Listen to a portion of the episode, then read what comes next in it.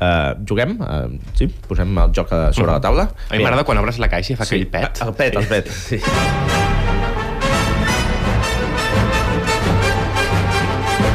Perquè aquest cap de setmana arriba a Barcelona una nova edició del Festival DAU, l'esdeveniment de l'any pels fans dels jocs de taula. Els que hi aneu dissabte o diumenge, això és a la Fabra i Coats, hi trobareu molts jocs per provar, per jugar, per també comprar, òbviament. I per això, com que hem pensat que un joc de taula pot ser un bon regal nadalenc, és d'aquells regals, saps, que t'agraden més a tu que a la persona estimada. Sí, perquè- el regales per jugar-hi tu, no? També creus que et convidarà a Sí, sopar un sí, dia sí, i després sí, sí, jugar, sí, sí. et convida ella o ell. O ell. Sí, sí, sí. Doncs el que hem fet és, eh, per triar un bon regal, eh, ens hem posat en contacte amb el divulgador i també director aquests dies del DAU, l'Oriol Coma, perquè ens comenti els tres hits de l'any, tres novetats en jocs de taula d'aquest 2017. El primer és un laberint, es diu Magic Maze, i ens ha agradat perquè no hi ha torns. Sí, eh, molt- per impacients, aquí no hi ha sí, torns. sí, tothom juga a la vegada, fent tots els moviments que vulgueu i tots sen sense parlar, a més a més, que és el que mola. Tothom juga alhora i tothom mou totes les fitxes alhora. Però cada jugador té una limitació de moviments. I llavors totes les fitxes, que són uns, uns herois medievals fantàstics que estan dintre d'un centre comercial i volen anar a botigues determinades a buscar les seves masses i les seves bosses, etc.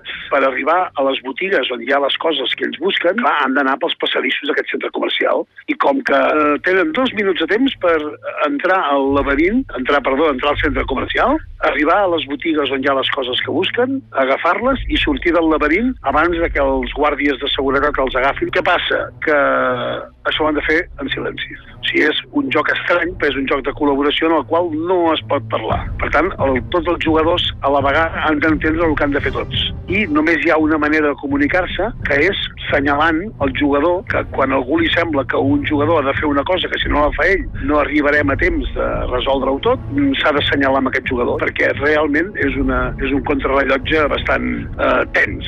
Si, no, si tothom no fa el que ha de fer, i no sempre és fàcil veure el que has de fer, és veritat que hi ha gent que es frustra amb aquest joc. Això de com, parlar, com parlem sense parlar. Un joc, mm, anava a dir agradable, però no, un joc tens més aviat. Un joc que des del principi veus que ho fem tots molt bé o no tots sortirem.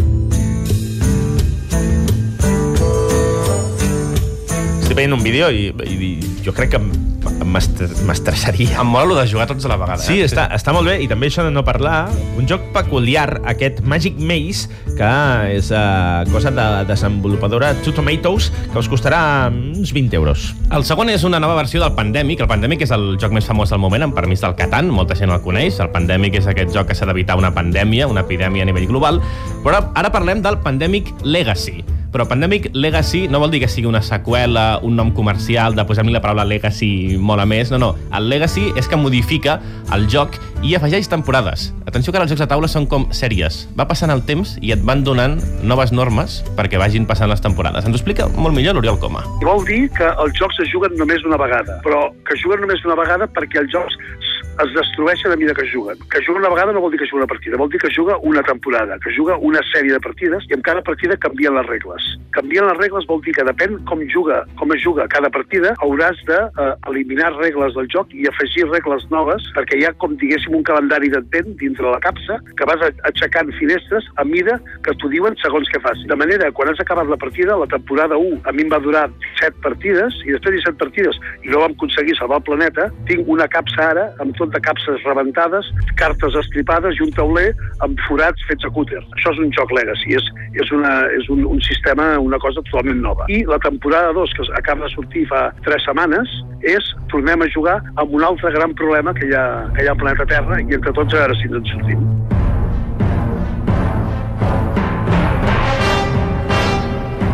Pandemic Legacy Season 2. Atenció que ens hem posat Sí. especialitzats. El publica Zetman Games i cada temporada us costa a partir de 60 euros. I el tercer joc d'avui, fem un top 3, eh? És tot això per anar fent boca de cara a aquest festival DAU de jocs de taula. No us volem impressionar, però aquest tercer es tracta del 3 en ratlla. Mhm. Això sí, és un 3 en ratlla on les fitxes tenen característiques diferents i que es diu Pocket Ops. és un 3 en ratlla, però quan poses una fitxa que el seu poder és que al costat no se li pot posar una altra, la següent no es pot posar al costat d'aquesta. Quan poses una fitxa que et permet moure una fitxa a l'adversari, pots fer això. En cada partida poders n'hi ha molts, però en cada partida només en surten uns, de manera, i són partides molt ràpides, és un 3 en ratlla, de, de manera que en cada partida la partida és totalment diferent perquè jugues amb nous poders.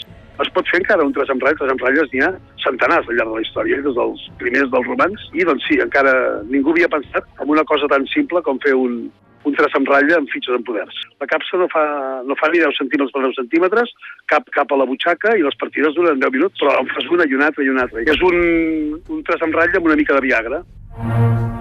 Bona definició, aquesta. És el que li faltava al tres en ratlla de sempre, eh? posar-li un, un petit afegitó i fer partides a una rere l'altra, com ens ha dit l'Oriol Coma. És el eh, director del Festival DAU i durant tot l'any ell treballa d'això, de divulgador en el món dels jocs. Aquest últim Pocket Top, si us ha quedat l'atenció, que segons deia l'Oriol cap a la butxaca, superportàtil, el desenvolupa s'ha desenvolupat gràcies a un micromecenatge i el podeu trobar a partir de 15 euros. El Festival DAU, que arriba dissabte i diumenge a la Fabra i Coats a Barcelona, i alerta el programa de demà, que tenim una novetat en jocs de taula per regalar-vos. Us diem això, ho deixem aquí